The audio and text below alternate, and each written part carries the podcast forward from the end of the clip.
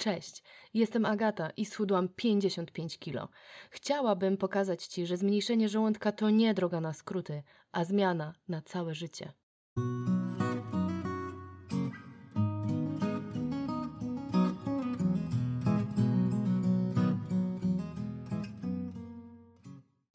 Poprzednim odcinku mówiłam o tym, jak podjęłam decyzję o poddaniu się operacji oraz jakie niewielkie zmiany postanowiłam wprowadzić po pierwszej wizycie u chirurga. Czas opowiedzieć o tym, co działo się w kolejnych etapach, czyli od pierwszej wizyty w przychodni aż do momentu, kiedy układałam się na stole operacyjnym. Spoiler alert. Zajęło to 8 miesięcy. Wspomniałam już o dietetyku. Pozwól, że opowiem Ci o tym nieco więcej. Każdy chirurg powie, że operacja to tylko narzędzie w naszych rękach. Do poprawy stanu zdrowia i skutecznej redukcji wagi niezbędna jest nauka. Powinniśmy nauczyć się komponowania posiłków, robienia listy zakupów, liczenia kalorii i makroskładników, zwracania uwagi na to, ile dany produkt zawiera cukru czy białka. Do tego typu umiejętności dochodzi się wiedzą. A są one kluczowe na kolejnych etapach procesu, ponieważ można schudnąć tylko jedząc. Odpowiednia ilość białka w codziennej diecie po operacji pozwala nam spalać tłuszcz, a nie mięśnie. To też szansa na powodzenie w ujęciu długotrwałym. Nauka nie idzie w las, tylko w nas. Moje pierwsze zetknięcie z dietetykiem to jeszcze czasy szkoły podstawowej i gimnazjum. Ciocia, która pracuje w tym zawodzie od wielu lat, podpowiadała, co powinnam zmienić. Dostałam nawet jakiś plan żywieniowy, ale na tym się skończyło. Żadnego podnoszenia świadomości, a już na pewno żadnej edukacji. Przez lata widziałam różne opcje, ale dopiero kilka lat wstecz trafiłam na strony Witalia. Zmęczona wiecznym szukaniem opcji na posiłki, wymyślaniem i tym podobne, wykupiłam u nich plan żywieniowy. To był pierwszy krok do sukcesu, wtedy jeszcze podjęty totalnie nieświadomie. Nauczyłam się nie tylko przygotowywać w miarę zbilansowane posiłki, chociaż zdarzały się wpadki, jak dzień, w którym algorytm wpisał mi na trzy z pięciu posiłków placki różnego rodzaju – ale nauczyłam się też robić zakupy. Co tydzień generowałam w systemie jadłospis na następne 7 dni, a wraz z nim dostawałam listę zakupów z rozpisaniem, którego dnia będę wykorzystywać dany produkt. Minusem był fakt, że jadłam to, co było na kartce, a nie to, na co miałam danego dnia ochotę. Chociaż gdybym wtedy trzymała się tych posiłków, to pewnie powoli waga by spadała ale ja uzupełniałam swoją codzienną dietę dużą ilością przegryzek, słodyczy i przekąsek, nieświadoma, jak dużą ilość kalorii, których nie jestem w stanie spalić, dostarczam do organizmu. Wracając do dietetyka szpitalnego, zapisałam się na konsultację, która odbyła się przez telefon. Podczas pierwszej rozmowy pani zebrała szczegółowy wywiad żywieniowy. Pochwaliła mnie za niektóre z wprowadzonych zmian, Podpowiedziała, co jeszcze mogłabym zmienić, żeby poprawić swoje samopoczucie, i gdyby na tym się skończyło nasze spotkanie, to pewnie byłoby super. Ale na koniec dostałam zalecenia. Kategoryczny zakaz jedzenia produktów z listy, innymi słonych przekąsek i słodyczy. Oczywiście alkohol był zabroniony, ale z tym zgadzam się w stu procentach, szczególnie gdy nie można go pić podczas brania niektórych leków. Ziemniaki i chleb były na tej liście czerwonej. Dostałam dietę 1200 kalorii, a moje zapotrzebowanie na podstawowe funkcje życiowe, jak praca narządów wewnętrznych, myślenie czy chociażby bicie serca, na tamten moment wymagały ode mnie dostarczenia 1800. Pani dietetyk była bardzo restrykcyjna i przekonana, że to jedyna słuszna droga, bo do operacji miałam zredukować masę ciała o około 10 kg. Dla mnie znów była to wizja życia na liściu sałaty. I gdyby nie fakt, że miałam za sobą już jakieś poszukiwanie treści w internecie, to pewnie bym się poddała maksymalnie po tygodniu. Postanowiłam sprytnie że będę panią oszukiwać i przekonywać ją, że stosuję się do jej zaleceń tylko po to, żeby uzyskać zaświadczenie, że jestem pod jej opieką.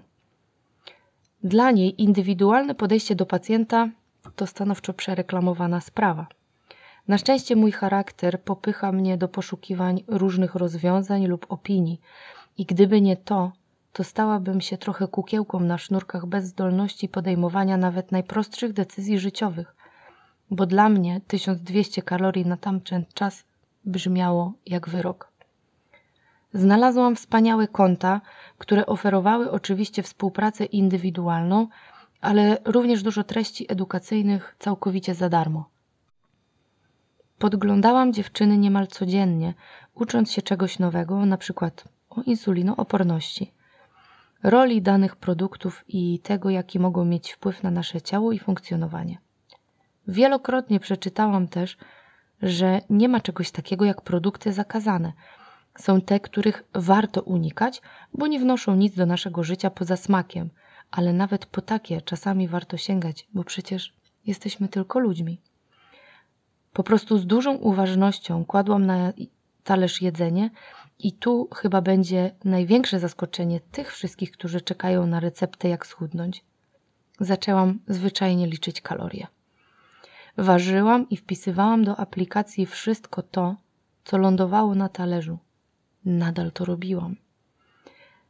Wrzucałam to wszystko włącznie z garścią orzechów czy wspomnianymi już wcześniej ciastkami. Jadłam je tylko z dużo większą uważnością i wliczając je w dzienny bilans.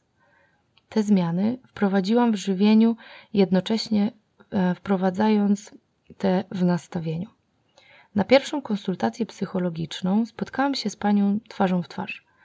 Po krótkiej rozmowie powiedziała mi, że ma pewne wątpliwości co do powodzenia w przypadku mojej osoby, ponieważ leczyłam się nadal na depresję, ale tylko farmakologicznie.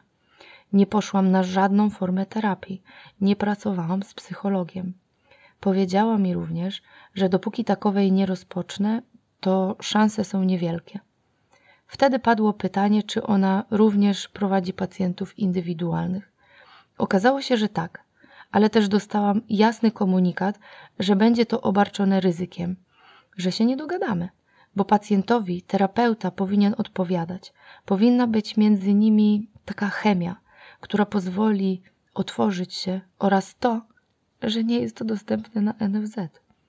Byłam mocno zdeterminowana, więc podjęłam rękawice. Chciałam spróbować. Czułam pozytywną energię pomiędzy nami i umówiłyśmy się na rozmowy telefoniczne raz w tygodniu. To był game changer. Zmiana, która zachodziła we mnie, jak zaczęłam pewne rzeczy mówić głośno, była niesamowita. Raz, że nie musiałam patrzeć nikomu w oczy, bo z reguły na czas naszych rozmów szłam na spacer. Dwa, że doświadczenie tej rozmowy w pracy z osobami otyłymi pozwalało jej, mam wrażenie, lepiej zrozumieć moje problemy. Nie chcę tu wchodzić w szczegóły całego procesu i cieszę się, że miałam możliwość poznać tak wspaniałą osobę, która wskazała mi drogę. Dziś, po wielu rozmowach, wiem, że nawet wypisując mi finalnie zgodę na zabieg ze swojej strony, nadal nie miała e, w stuprocentowej pewności, czy to aby słuszne posunięcie, czy nie wrócę do starych schematów. Terapię musiałam przerwać na pewnym etapie, ponieważ straciłam pracę i szukałam oszczędności, a czułam się wtedy już na tyle silna, że miałam w sobie przekonanie, że sobie poradzę. Dzięki narzędziom, w jakie zostałam wyposażona w trakcie naszych spotkań, zarówno wtedy, jak i dziś, jestem w stanie kontrolować swoje zachowania. Jedzenie przestało już dawno rządzić moim życiem, a przez wiele lat wokół niego kręciło się absolutnie wszystko. Zaczęłam traktować je jako przyjemny dodatek do życia, a nie jego sens. Już nie musiałam chować się po kątach, żeby na szybko w samotności zjeść batonik. Nie czułam się też winna, kiedy zdarzyło mi się po niego sięgnąć. Teraz, mimo że minęły już dwa lata od zakończenia naszej stałej współpracy, Nadal zdarza mi się zjeść coś słodkiego po ciężkim dniu, ale nie samobiczuję się za to. Nadal w momencie ogromnego stresu pojawia się myśl o pączku, ale umiem ją wyłapać i się nad tym zastanowić. Nie rekompensuję sobie już niczego fast foodem, bo tego nie potrzebuję. Chociaż z przyjemnością sięgam po hamburgera z sieciówki. Emocje nie pchają mnie przed drzwi lodówki, żeby kabanosa zagryźć serem żółtym i poprawić kakao. To naprawdę jest możliwe. Dużo mówiłam teraz o tym, jak nauczyć się komponowania posiłków, dlaczego ważna jest praca nad naszą głową i praca z emocjami. Ale co z ciałem? Co z tymi aspektami, na które nie mamy wpływu? Jednym z takich problemów zdrowotnych, stosunkowo łatwych do wyeliminowania, był helikobakter.